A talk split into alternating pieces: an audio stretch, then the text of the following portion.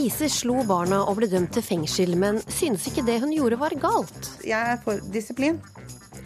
Tegninga av Ali Esbati som ape er en kamp for ytringsfriheten, ifølge kunstneren. Sverige har kreft, og jeg er cellegiften, sier Thomas Knarvik. Tyskertøsene bør ikke få noen unnskyldning fra staten, mener Ivar Kragelund fra Hjemmefrontmuseet. Denne uka ble statsministeren bedt om å si unnskyld. Velkommen til ukeslutt, hvor vi også spør hvorfor likestilte norske kvinner synes det er greit å bli gitt bort av faren på bryllupsdagen. Jeg heter Linn Beate Gabrielsen.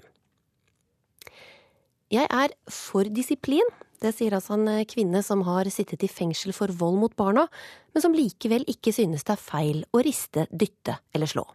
Rune Andersen vet at volden setter dype spor. Komikeren har fått eh, flere hundre henvendelser etter at han på TV fortalte hvordan han måtte gjemme seg i skapet for sin voldelige far. Skal jeg være helt ærlig, så eh, har jeg nesten ikke vært ute av døra. Rune Andersen følte for å gå i dekning i noen dager etter at han fortalte om sin egen barndom denne uka. Der går det jo an å gjemme seg. I TV 2-reportasjen står Andersen ved et klesskap i barndomshjemmets hvite soverom. I den hylla der, nederst der. Skapet var skjulestedet til Andersen da han var liten og ville unngå den voldelige faren. Og så hadde jeg en teknikk at jeg fikk lukka døra innenfra. Etter at Andersen fortalte om hans og søstrenes voldelige oppvekst, har mange sendt meldinger til den kjente komikeren. Ja, jeg har fått mange meldinger, og noen er fryktelig sterke. En, en som har skrevet veldig sterkt. Som elleveåring måtte jeg dra pappa av mamma. Han satt oppå henne og slo.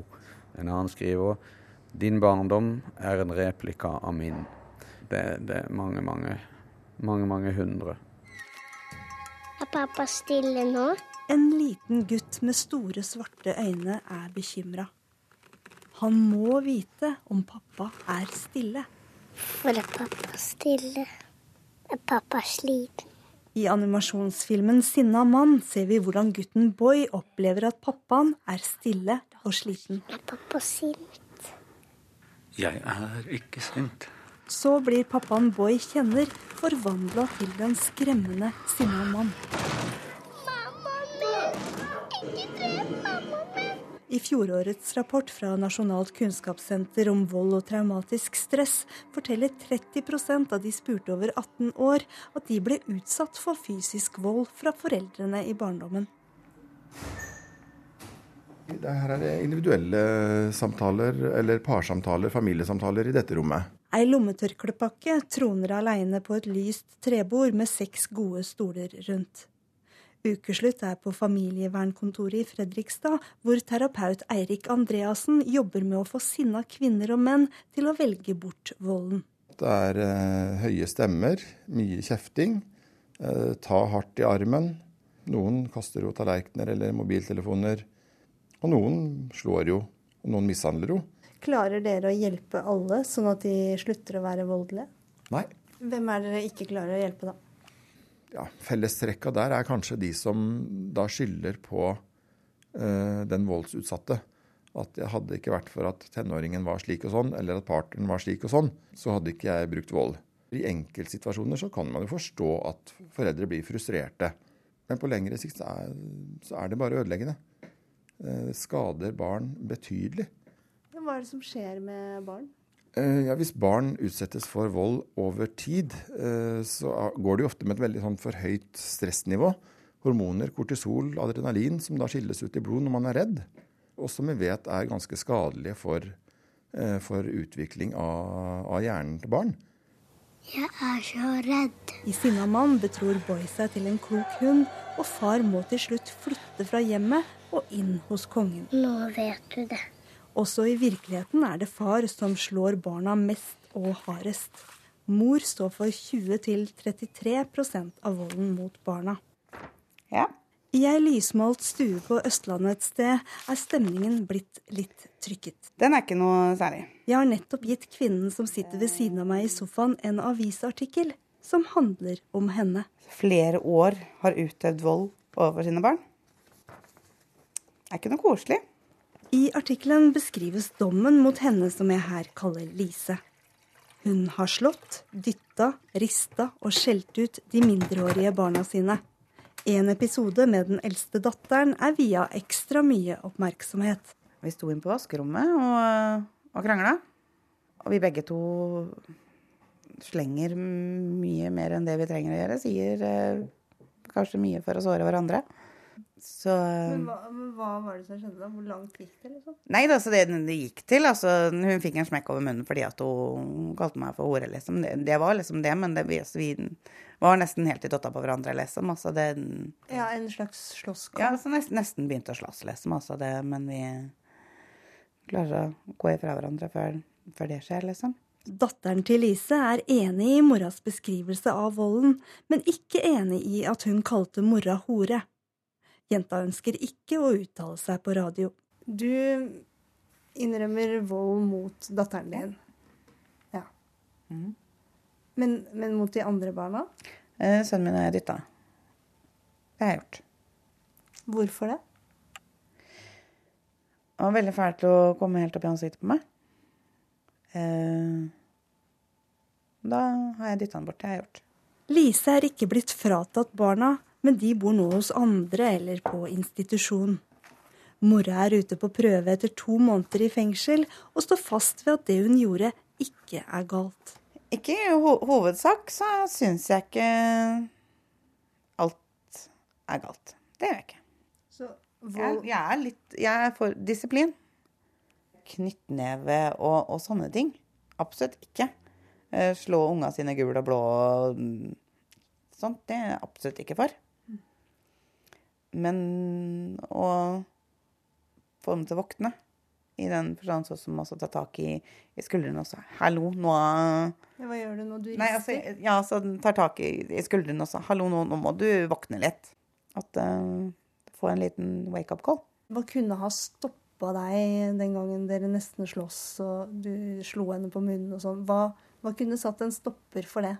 Det vet jeg ikke. Jeg har bedt om hjelp i, i mange år. Eh, ikke fordi at jeg er sint, men fordi at jeg var sliten.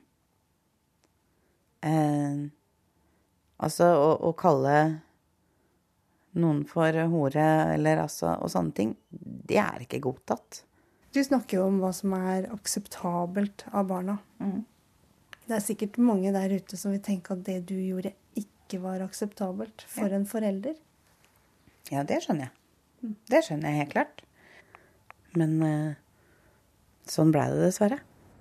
Bare se enda en melding her som, som også sier det at eh, Da Rune Andersen var i dekning hjemme, leste og besvarte han alle meldingene han har fått. Det har tatt på. opplever, opplever vold i nær, nære relasjoner og ikke trodde livet skulle kunne gå videre og ta det tilbake. Eh, men nå, eh, etter 26 år, favner liv og livsgleden og kunne absolutt i en tidligere periode hatt nytte, stor nytte av barnesenteret som Stine Sofie Stiftelsen nå åpner.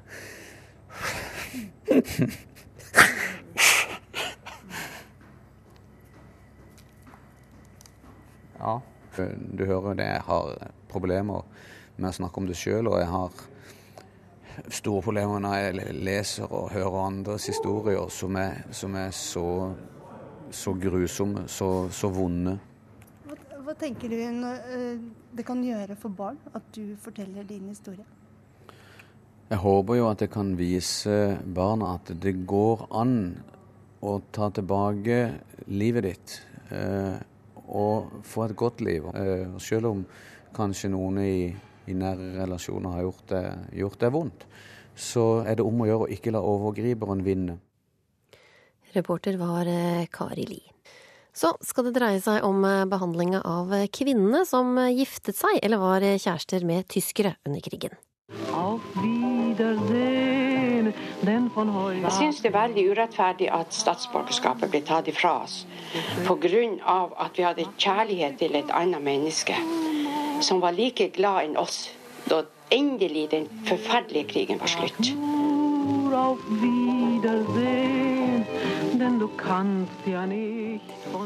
Vi hørte Elbjørg Skjønning i et NRK-opptak fra 1988 om de såkalte tyskerjentene, også kalt tyskertøser. Nå krever to stortingspolitikere at eh, statsminister Erna Solberg sier unnskyld til disse kvinnene. Etter krigen ble de internert i leire og snauklipt, og de som var gift med tyske soldater, mistet sitt norske pass og statsborgerskap. Trude Teige, forfatter av eh, boka 'Mormor danset i regnet', som eh, handler om eh, dette temaet. Du skrev først i Aftenposten at den norske stat bør si unnskyld. Hvorfor bør de det? Det er veldig viktig her å presisere at tyskerjentene var mange, og du nevner dette med snauklipping og sånn. De som jeg er opptatt av på bakgrunn av denne romanen jeg skrev, det er de som faktisk gifta seg med tyske soldater. Altså, vi veit jo ikke hvor mange de var, men rundt 2000 kanskje. Um, og etter krigen så hadde vi et landssvikoppgjør, og vi hadde mye aggresjon mot mennesker som var på feil side. Det er jo fullt forståelig. Disse kvinnene her, de uh, faller utafor jussen. De hadde ikke gjort noe som faller inn under landssvikoppgjøret. De hadde forelska seg. De hadde gått til sengs med fienden, og de hadde gifta seg med fienden. Så da innfører regjeringa en forordning i 1945 med tilbakevirkende kraft, så sier det at disse kvinnene, som hvis du inngår giftermål med en tysk soldat, så er du ikke lenger norsk. Og jeg mener da at de blei dømt på et moralsk grunnlag, og ikke på, på bakgrunn av jussen. Men de hadde jo, som du sier, de hadde jo gått i, til sengs med fienden. Skulle de ikke Og det kan man forarge seg over, og det kan man ut fra moralske eh, aspekt eh, mene veldig mange ting om. Men jeg tenker at de som sitter med makta i et land, i en rettsstat der vi i dag skryter av å gi en av våre verste massemordere et rettferdig en rettferdig rettssak. Disse kvinnene ble dømt til å ikke være norske uten å ha begått en forbrytelse, uten en rettssak og uten dom, med enormt store konsekvenser for dem når de kom til Tyskland. Ivar Kraglund, du er fungerende sjef for Norges hjemmefrontmuseum. Du syns ikke statsministeren skal be om unnskyldning. Hvorfor ikke? Nei, fordi på mange måter så syns jeg det blir å, å være litt uh, uhistorisk i, forhold til dette. Jeg slutter meg til uh, Trude Teiges uh, kommentarer om at dette var en variert gruppe, og at vi, vi, vi snakker om et moralsk aspekt og et juridisk aspekt. Men, men, jeg syns på en måte at, at, landets statsminister drøyt 70 år etterpå skal stå og si unnskyld for dette, det, det klarer jeg ikke helt å, å, å se nødvendigheten av. Hvorfor ikke?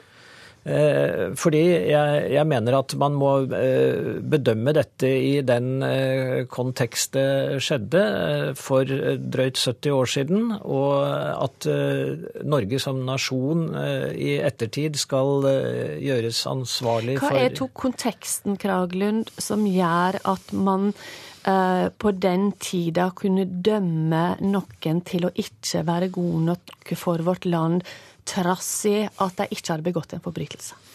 Ja, så Det hadde jo noe med ekteskapslovgivningen å gjøre også, med bestemmelser fra, fra tidligere som, som, sa at hvis man eh, giftet seg med en utenlandsk statsborger osv. osv. Så, videre, så det har jo noe med det å gjøre. Og så kom dette selvfølgelig veldig eh, til, til nytte når man ønsket å hva skal vi si, kvitte seg med problemet Men på den måten. Men er du da enig i at disse kvinnene sjøl burde kunne få velge om de fortsatt ville være norsk? Ja, det fikk de vel da ikke. Og, Nei, men er du enig i at de burde ha fått da? Fått lov til å altså, i, velge sjøl? I, I, 2016 så, så, tror jeg få vil være uenig i at uh, dette ble håndtert på en uh, uheldig måte. Så det var en urett, da? At, at det norske styresmakter gjorde dette, syns du det er i dag? I, I, et tilbakeblikk så, så, kan jeg ha forståelse for det. Men eh, jeg syns likevel det, det, det, blir litt for, for, dumt at man skal be om unnskyldning for det. det. Vi må huske på den situasjonen som, som hersket da i 45 og, og 46. Og, og det kan man forstå. Men, kan ja, men Teige, hvis loven var sånn, visste de ikke egentlig hva de begikk seg inn på da de giftet seg med en Mange utlending? Mange var ikke klar over at de faktisk ikke lenger var norske i det øyeblikk de gifta seg med en, en uh, tysker. Mm. Men hvis de ikke hadde blitt fratatt dette, så hadde du ikke fått noen som helst straff i, i det hele tatt. Hadde det vært riktig overfor uh, folket som følte seg sveket? Hva skulle de straffes for, mener du? Nei, jeg tenker på folkets, uh, folkets, rettferdighetsfølelse når noen hadde tross alt uh, innlatt seg med fiender. Det var folkets rettferdighetsfølelse som gjorde at man skamklipte uh, jenter og kjørte dem på lastebiler og tok dem på torget og klipte av dem håret. Vi syns jo ikke det er noe bra heller. Nei, altså omfanget av de eh, overgrepene eh, kjenner vi ikke helt. Men, men, men, vi skal jo være klar over, som du sier, at dette var jo en moralsk greie. at det var de, de, hadde faktisk ikke gjort noe straffbart. Og det er jo her mye av problemet ligger. Jeg tenker at hvis staten gjør urett, hvis en norsk regjering gjør urett overfor en gruppe mennesker i vårt samfunn, i et samfunn som er en rettsstat, der vi slår oss på brystet over vår humane behandling av fanger og alt mulig, altså folk som har begått en forbrytelse, så tenker jeg at det, selv om man kan forstå med brillene fra 1945 på det som skjedde, så er det ikke noe i veien for å erkjenne at det ble begått en feil, og bruke den erkjennelsen til å vise raushet overfor en gruppe kvinner. Jeg har møtt særlig en av disse som flytta hjem igjen til Norge etter 65 år i Norge Tyskland. Og jeg glemmer jo aldri blikket hennes når hun sitter på, på sykehjemmet og nettopp har fått sitt norske pass, og sier til meg du, nå er jeg god nok for dette landet. Hun hadde levd med dette i 65 år. At hun ikke var god nok for Norge. Og det var regjeringa si skyld, og da bør regjeringa i dag si vi beklager på det sterkeste måten dere ble behandla på. Da hadde vi ikke bare hatt en sterkere rettsstat hvis vi hadde sagt unnskyld til disse? Innsett våre feil? Eh, man kan, kan ja, ha forståelse for, for synspunktet, men, men eh, jeg, jeg syns ikke det er naturlig i denne sammenheng. Vi skal jo også huske på at disse kvinnene de hadde på et eller annet tidspunkt et valg, og de, de, de, valgte da, som man sier litt tabloid, å gå til sengs med fienden. Uh, og, og, det var Det kan man mene det var man vil om, men derifra til å si at fordi du har gjort noe umoralsk, så kan ikke du være norsk. Ja, jeg, jeg, jeg, ser det poenget. Uh, men, eh, men, uh, igjen, det med å, å, å, si unnskyld for noe som skjedde for 70 år siden, det syns jeg bør sitte lenger inne. Nå må jeg si tusen hjertelig takk til dere, jeg Trude Teige og Ivar Kraglen. Det virker ikke som om man helt skjønner hva rasisme er for noe. Man henger seg i stedet veldig opp i hva en rasist er for noe. Tegninga av eh, politikeren alias Bati som ape provoserte mange, også Klassekampens Mimir Kristiansson. I lang tid har eh, kunstneren eh, Thomas Knarvik lagt ut provoserende tegninger på Facebook-sida si, med ønske om å skape debatt. Så dette ble en god uke for det Knarvik selv kaller et antirasistisk prosjekt. Forvirret? Reporter Åsa Vartdal besøkte Knarvik på hemmelig adresse i Sverige for å finne ut hva han egentlig vil med sine provoserende tegninger. Dette her er jo et multikulturelt samfunn. Så her er jo alt fra det er India, Afrika, hunder og katter og fugler og Ved et gammelt rødt hus dypt inni en svensk skog løper påfugler, perlehøns, hunder, gjess og vakler fritt rundt i solskinnet. Det blir en veldig harmoni over det. For Thomas Knarvik har det vært alt annet enn en harmonisk uke. Og det er han ganske fornøyd med. Ja, jeg har hatt en kjempeuke. det har vært morsomt å se hvor mye det har engasjert. For det er klart, jeg har jo aldri noen Jeg har jo lagd mange andre ting som jeg har trodd skulle liksom slå mye verre. Men eh, for det er klart at hvis du åpner en satiremanual, så hvordan, hvordan provosere mest? Det er sånn selvfølgelig bruke igjen eller resirkulere gamle klisjeer tegn en person som apekatt. Og det var nettopp det han gjorde. Etter en Dagsrevy-reportasje fra Rinkeby, der svensk politi fortalte at det var områder de kviet seg for å gå inn i. Det er visse områder der vi holder på å tappe kontrollen. Anklaget den svensk-iranske politikeren Ali Esbati NRK for rasisme. Det fikk Narvik til å reagere. Jeg er redd for at debatten blir kuppet av de som roper rasist hele tiden. Det blir litt ulv-ulv. Og de som, de som, får merkelappen i tide og utide, som veldig ofte jeg ser er helt urettmessig, så, så er det klart at det blir en irritasjon. Knarvik tegnet Esbati som en ape, hengende i et tau med beina i været, mens han sier 'ni er rasister alle i hopa'. Ved å da bruke rasistiske fordommer, være på kanten, tegne innvandrere som apekatter Jeg må bare si unnskyld, det føles av og til som å sitte i en tidsmaskin og diskutere om det er greit å tegne innvandrere som apekatter, men, men Tirsdag møtte Knarvik Klassekampens Mimir Kristiansson i Dagsnytt 18. Hvis målet var at en masse folk skulle krangle om dette, så, så lykkes jo det. Men en av flere som mente Knarviks tegning var klart rasistisk, og som ikke kjente seg igjen i at debatten blir kneblet av anklager om rasisme. Eh, vi fører debatt om innvandring. Det er en av de mest diskuterte sakene. Frp sitter i regjering, osv. Så, videre, og så, så den ideen om at det ikke skulle være lov i Norge å snakke om problemer ved innvandring uten å bli beskyldt av Ali Esbati er jo ikke i Norge engang, han er jo i Sverige, for å bli eh, beskyldt for å bli rasist, den kjenner ikke igjen i hele tatt. Og det prosjektet tror jeg er mislykka og dårlig. Her har jeg et glass, glass med pigment. Inne på atelieret i Det røde huset blander Knarvik pulver og olje til en petroleumsblå farge. Vinduene står på hvitt gap, lukten av linolje henger i luften, og på et staffeli står et halvferdig maleri av en kvinne. Bøker og ting som ligger overalt. Knarvik er utdannet maler fra Statens kunstakademi og har jobbet tett med bl.a. Odd Nerdrum. Aldri vært opptatt av verken politikk eller noe. Jeg har stått bak et staffeli i 25 år. Jeg. Bare vært i min egen verden. Og så, og så, begynte det sakte, men sikkert å dreie inn i litt annen samfunnsengasjert retning. Og da, da var det på en måte i gang. I fjor høst var han klar med boken In His Name, en samling religionskritiske karikaturtegninger. Men etter at den var ferdig trykket, valgte forlaget å likevel ikke gi den ut. Ifølge forleggeren fordi kvaliteten ikke var bra nok. Ifølge Knarvik var det selvsensur fordi man fryktet at islamister kunne oppleve satiren som blasfemisk. Derfor startet han sin kamp for ytringsfrihet og mot det han mener er en farlig historieforfalskning, der Norge, og særlig Sverige, undertrykker egen kultur av frykt for å støte andre. Sverige jo et, har jo kreft for tiden.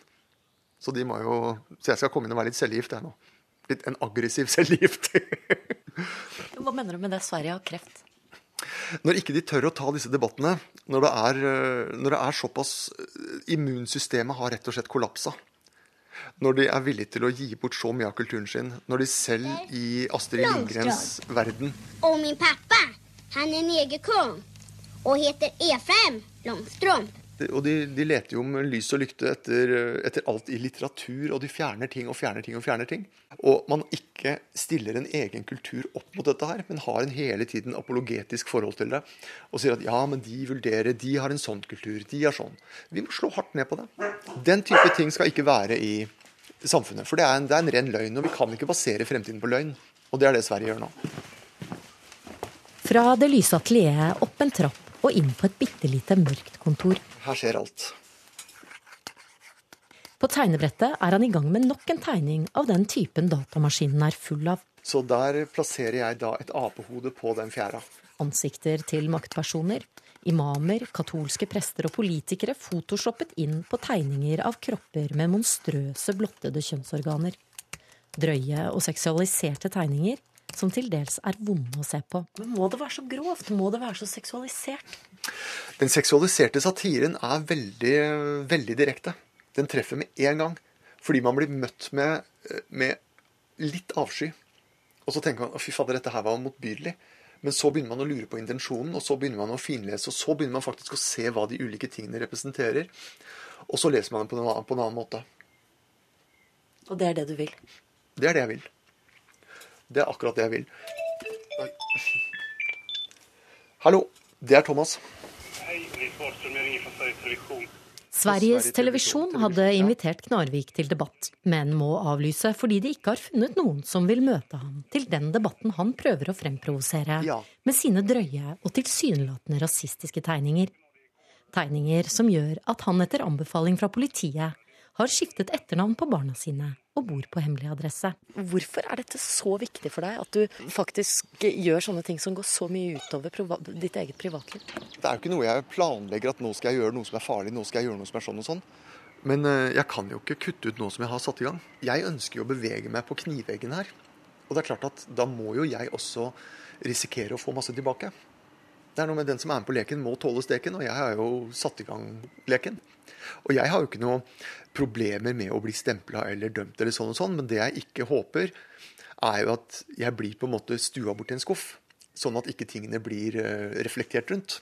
For jeg mener at det innholdet jeg har, er absolutt verdt å reflektere rundt. Lån øret videre til ukeslutt og få med deg dette. Skikken med å la far føre bruden opp kirkegulvet er kvinneundertrykkende, mener prest. Hun gleder seg til å se den første brudgommen bli ført til bruden av mora si. Og mens 40 journalister reiser i flokk til sommer-OL, så sender ikke norske aviser én eneste en til Paralympics, skrev roer Birgit Skarstein, og fikk avisene til å booke flybilletter.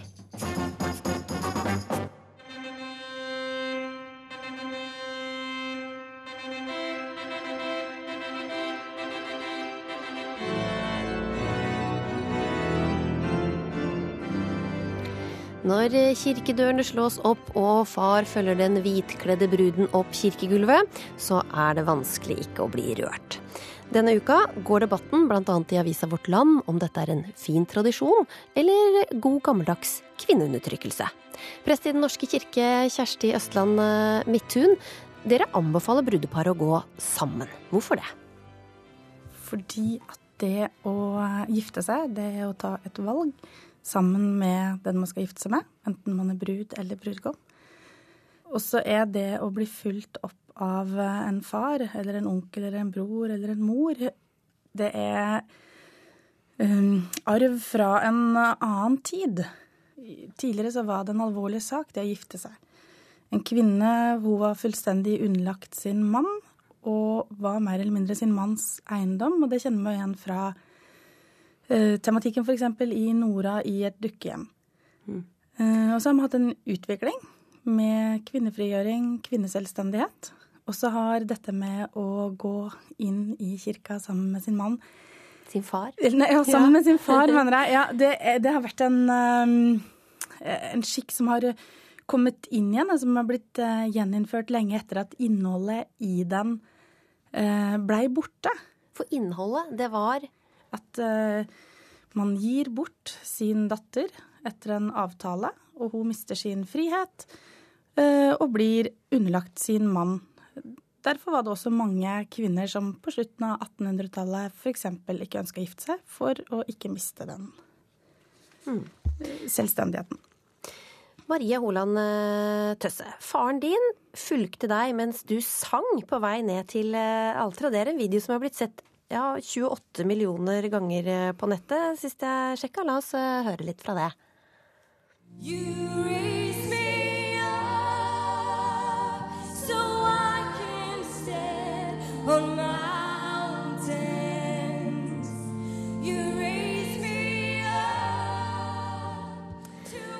hva, betyd, hva betød det for deg, Marie, at eh, faren din fulgte deg opp? Jeg blir faktisk ganske rørt nå, jeg, med tanke på det. Fordi eh, min far har alltid vært der for meg, vært en stor støtte i livet mitt. Og det er da ekstra kjekt at han fører meg inn i kirka og er med på det valget jeg har tatt om å gifte meg med Ronny. Og han da støtter det ved å følge meg inn, og, ja, inn i kirka. Men du følte ikke at du ble gitt bort? Nei, ikke i det hele tatt.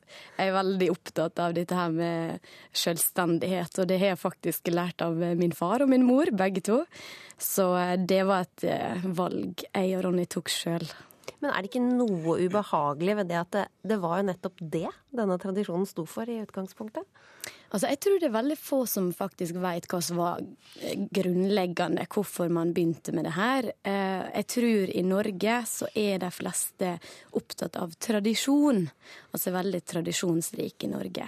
Og det er vel kanskje derfor det er så vanlig at eh, far fører datter fram. Og ja, det var veldig riktig for oss. Mm. Ja, Østland Midthun. Tradisjonen veier her tyngre enn symbolikken. Er det så farlig? Nei, det er jo ikke så farlig på ett nivå. Så syns jeg det er jo spennende det Maria sier om at det er få som veit hva tradisjonen egentlig er. Men at man samtidig er opptatt av tradisjon. Og da tenker jeg at det, eh, på det nivået det eventuelt er viktig å snakke om dette, er nettopp for å drive litt folkeopplysning da, om hva som er tradisjonen og fortellingen bak. Og det som er interessant, er at når dette ble gjeninnført som en skikk i Norge på, i etterkrigstida, eh, så var det en Det var lenge før man henta impulser fra Hollywood og den romantiske tradisjonen der. Men det var en skikk som man henta ifra kontinentet, og gjerne de store byene på kontinentet. Men det var en skikk som ikke slo an i Sverige. Sånn at det, I den norske tradisjonen så har dette blitt en ny bryllupsskikk på slutten av, eller siste halvdel av 1900-tallet. Mens i Sverige så ble det det ikke. Så da prinsesse Victoria ble ført inn av sin far, da hun gifta seg, så vakte det harme og masse oppmerksomhet nettopp fra feminister. Fordi det ikke var en tradisjon eh, som var vanlig, men som var sånn, et lite tilskudd da, til noe ekstraordinært. Man, akkurat som kongelige barn har, enn, har flere faddere enn oss vanlige dødelige. Ja.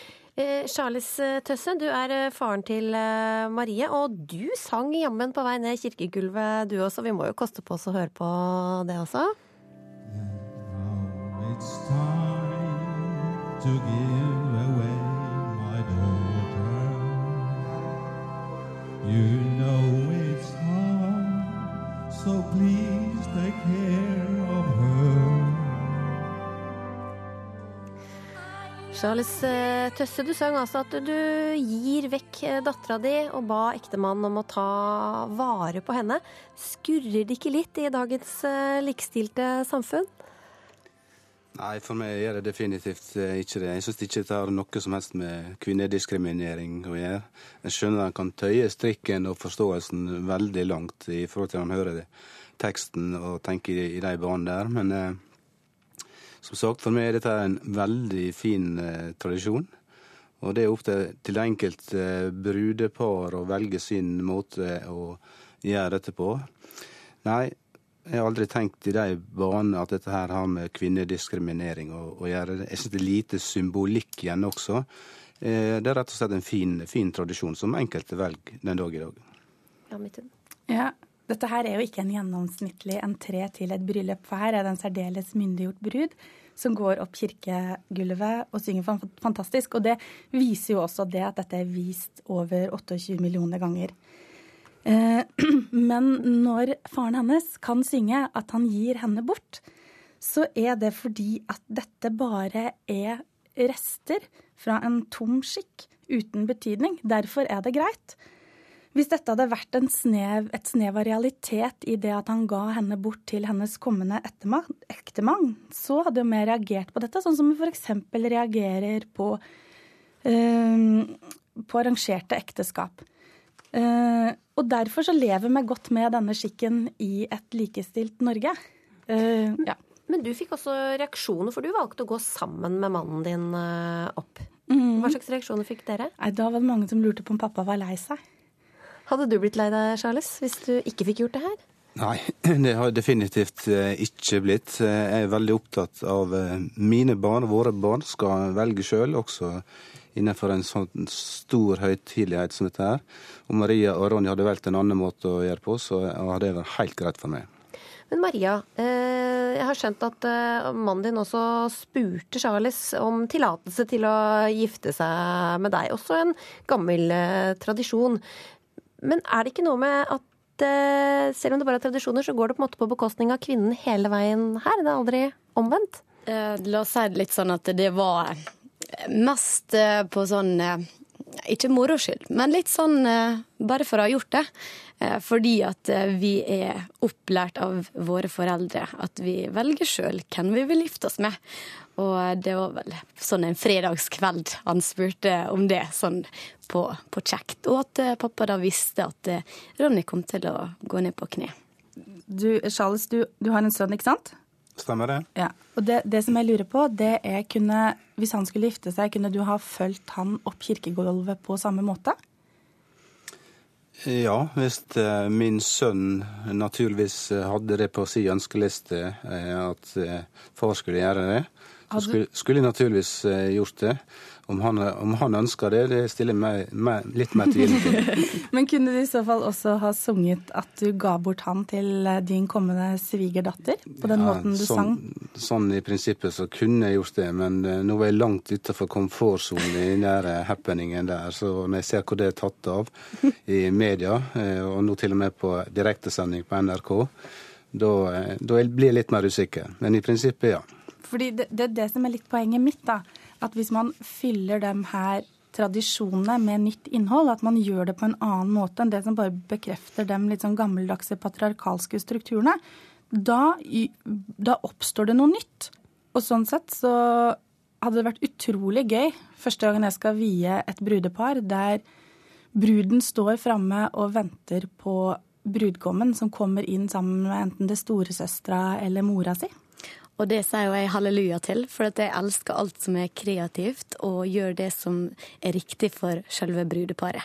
Og da sier jeg takk for ordskiftet, Kjersti Østland Midthun, Marie Hole Tøsse og Charles Tøsse.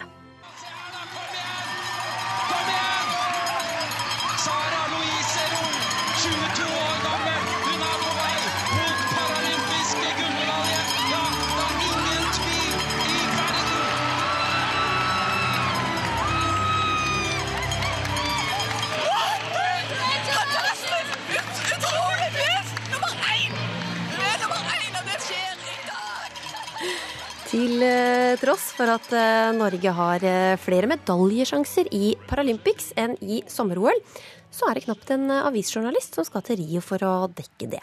Til sommer-OL derimot kommer hele 40 norske journalister så langt, da. Vel, slik var det i hvert fall inntil du skrev en kronikk om dette på NRK Ytring tidligere i uka. Roer og Paralympics-deltaker Birgit Skarstein. Hva var det som trigga deg til å skrive om dette? Du når jeg fikk se det tallet, at det var 46 journalister som var akkreditert til OL, og ingen journalister som var akkreditert til Paralympics, så trodde jeg først det var en feil. Det går ikke an at ikke vi har tenkt å sende noen til å dekke det største eh, idrettsarrangementet for paralympisk idrett, eh, og som bare går hvert fjerde år. Så jeg tenkte at altså, det, enten må det jo være en feil, eller så må vi jo kunne gjøre noe med det her. Og når jeg fant ut at det er jo ikke en feil, det er faktisk ingen som har tenkt å dra, så tenkte jeg og Cato at um, Zahl Pedersen at da må vi jo si fra om hva de kan gå glipp av. Fordi det er jo ikke sånn at man skal dra dit eh, bare fordi det er et hyggelig og, stort arrangement, men fordi at det er store idrettsprestasjoner, og det er sterke historier, og det ligger mye fellesskap i det som skjer der borte. Og det at ikke folk skulle få lov til å være med på det, det syns jeg er for gærent. Så jeg tenkte vi må si fra hva det er som ligger her, og hva, hva vi ikke må risikere å gå glipp av. Mm. Lars Kvam, du er sportsleder i Dagbladet, og dere hadde på begynnelsen av uka ikke planlagt ennå å reise til eh, Paralympics, men har kommet til at dere sender én. Eh, Når skjønte dere at det var interesse for eh, dekning derfra? Vi har nok skjønt at det har vært interesse hele tida. Og så har det vært en vurdering da, som har vært gjort Eh, på bakgrunn av en tøff sommer, hvor vi på et tidspunkt, som du sier, var, hadde bestemt oss for å ikke akkreditere oss. Eh, men så var det noen møter og noen diskusjoner som foregikk. Det var planlagt møter om Paralympics den dagen eh, Birgit og, og Cato Zahl Pedersen kom med sin kronikk. Og det var vel det, det innlegget var en vekker. Og så tok vi noen ekstra runder internt og fant ut at vi vi, vi vil være med til Rio, vi òg. Og da fant vi midler for å gjøre det. Ja, for Tidligere i uka så begrunna dere med nettopp det. Dere hadde ikke ressurser. Hvor fant dere pengene? Ja, det var litt eh, her og der. Vi har eh, som sagt gått noen ekstra runder. Eh, det, det blir jo da sånn at noen andre ting må eh, tas ned eh, fra en allerede tøff eh, sommer. men, men vi har da også fått, ja, fått, inn litt friske midler ovenfra, og nå kjører vi på med, med Rio-akkreditering og Paralympics-akkreditering, så vi gleder oss til det. Når du ser nå hvor mange som foreløpig melder seg på til til, eh, eller akkreditert til OL, og så få til Paralympics. Er det eh, Hvordan vurderer du interessen eh, på de to tilstelningene? Et sommer-OL vil alltid være større. Det er jo kanskje det største idrettsarrangementet som finnes, sammen med fotball-VM. Men når det er sagt, så er det veldig mye som fortsatt er kjempeinteressant for folk flest. Paralympics er det. Det har vi sett før. For vi har jo prøvd Vi har dekket Paralympics mange ganger før. Noen ganger uten å være til stede, andre ganger med å være til stede. Så vi har vært klar over det at, vi, at Paralympics ville bli stort. Vi hadde store planer om å, å, dekke det uansett, vi, om vi skulle være der eller hjemmefra. Men det engasjementet som ble utløst nå etter ytringa til Birgit, det har nok gitt oss en kraftig vekker på at det er en voldsom interesse og et stort engasjement som vi, vi håper vi også da får se i, i, gjennom leserinteresse i, i, september, og det tror jeg vi får. Hva tenker du Skarstein, om den uh, ideen på forhånd om at OL er så mye større enn Paralympics? Altså, jeg skjønner jo det at når man sitter og skal vurdere ressursene sine, så velger man å, å sende det dit man tror man får mest klikk igjen da, for å forå. Uh, samtidig så er det forskjell på å prioritere ned og prioritere bort. Og når alle redaksjonene da, når vi ser totalen og ser at det som er resultatet, er at 46 drar til det ene og ingen drar til det andre, da har det skjedd en skeiv prioritering i forhold til den interessen som er der totalt. Eh, og det var jo noe som jeg syns var helt fantastisk når den kronikken gikk ut, og vi så hvor stort folkelig engasjement det var. Altså folk andre som ikke har noe med idretten å gjøre, skrev leserinnlegg til Aftenposten. Eh, det ble delt på Twitter og Facebook, og altså det bare for bortover. Og jeg fikk mye tilbakemeldinger fra folk som ikke trodde at det gikk an, fordi de tok det som en selvfølge at selvfølgelig skal det masse journalister til Paralympics for å dekke det. Eh, så jeg tenker jo, som du sier her, at det, det engasjementet som kom opp, det samsvarer i stor grad med det jeg opplever i hvert fall at folk er interessert i å høre. De er interessert i å være med på reisen, og dette her er det noe det er interesse for. Så vi, kan du si at det leses for lite, men selvsagt det er vanskelig å lese hvis det ikke skrives. Mm. Vi tok en liten stikkprøve ute på, ute på gata. La oss høre. Gleder du deg til Paralympics? Det har jeg egentlig ikke så stort forhold til. Fordi det er ikke så kjent som vanlig Eller hva skal jeg si eh, altså OL for funksjonsfriske, da. Så skulle gjerne Hadde jeg visst mer om det, så hadde jeg sikkert gledet meg mer også. Skal jeg ærlig innrømme at jeg følger ikke så mye med på det, nei. Hvorfor ikke? Det er vel manglende dekning og lite engasjement rundt det. Jeg følger lite med på sport generelt, det interesserer meg ikke. Så det er vel egentlig bare det. Gleder du deg til Paralympics? Ja. Det gjør du. Følger du med på det? Det gjør jeg faktisk. Jeg syns at, eh, at det skulle vært eh, større dekning av Paralympics i, eh, på TV. Det syns jeg. Jeg tror nok at hvis det hadde vært litt mer opphausa og litt mer framme, så hadde det vært lettere å følge med. Herskvam, hva er det folket her har skjønt som dere ikke skjønte? Ja, det kan du si. Jeg tror de snakker det en patriotisme der som ikke er Det er ikke overraskende at de sier det om Paralympics. Jeg tror at um, de folkene på gata som NRK snakka med her, um, uansett ville ha fått uh, mye Paralympics-lesestoff i september, uh, selv om vi ikke har vært der. Uh, når det er sagt, så blir det jo selvfølgelig bedre. Og null norske journalister i Paralympics, det hadde, det hadde vært um, flaut for, for pressestanden. Men, men jeg tror det folk snakker om, og som jeg også sa i stad, at når Norge kjemper om gull, i OL eller i Paralympics, så er folk interessert. Da følger folk med. Og at det ikke er så mye blest om Paralympics akkurat nå, det eh, er kanskje ikke så overraskende, tenker jeg. da, det, fordi det er heller ikke så mye snakk om sommer-OL akkurat nå i norske medier. Men eh, det, det kommer, og det, det ser vi fram til. Skarstein, hva betyr det for utøverne og gullsjansene at det kommer dekning? Det er kjempeviktig at det kommer dekning. Altså, vi er jo her i lag. Når vi drar til Brasil, så drar vi jo dit for Norge. Vi er jo drapert i norske flagg når vi kommer dit. Og når jeg skal på startblokka, så er det ingen som står og roper 'Birgit Skarstein' til blokk fire. Det de roper, er jo 'Norway, lane four'. Altså det er Norge som går videre, eller Norge som slås ut. Det er Norge som tar medalje. Eh, og det at Norge da kan være med på den reisen, det syns jeg er kjempeviktig. Og så vil jeg si en ting, da. at da, før Paralympics i London, så bestemte jo Channel 4, dem som hadde, hadde um, rettighetene til Paralympics der, at de skulle gjøre Paralympics en kjempegreie. Så de lanserte Superhumans-kampanjen, der de kjørte opp de paralympiske utøverne som Meet the Superhumans. Og de greide å få kjempedekning av de utøverne og av de lekene. Og det ble jo tidenes leker, eh, og det tidenes sommerparalympics. Og de hadde svære plakater hvor de bl.a. skrev Uh, 'Thank you for the warm-up', med henvisning til OL. Uh, og det viste virkelig hvor styrke som ligger i de her utøverne og de her idrettene. Så jeg tror det er fullt mulig å bygge opp eh, både kunnskapen og fellesskapet i den paralympiske idretten ut i befolkninga, men vi er nødt til å velge å gjøre det. Og da er det bare å håpe at vi får flere slike gulløyeblikk som vi hørte i, i begynnelsen her i eh, september. Takk skal dere ha, Birgit Skarstein og Lars Kvam. Og det var uh, ukeslutt, uh, det. Jeg vil gjerne minne dere på å sjekke ut uh, NRK Debatt sine sider på ulike sosiale medier. Ansvarlig for denne sendinga, det var Torkil Thorsvik. Teknisk ansvarlig Frode Thorshaug. Og i studio Linn Beate Gabrielsen.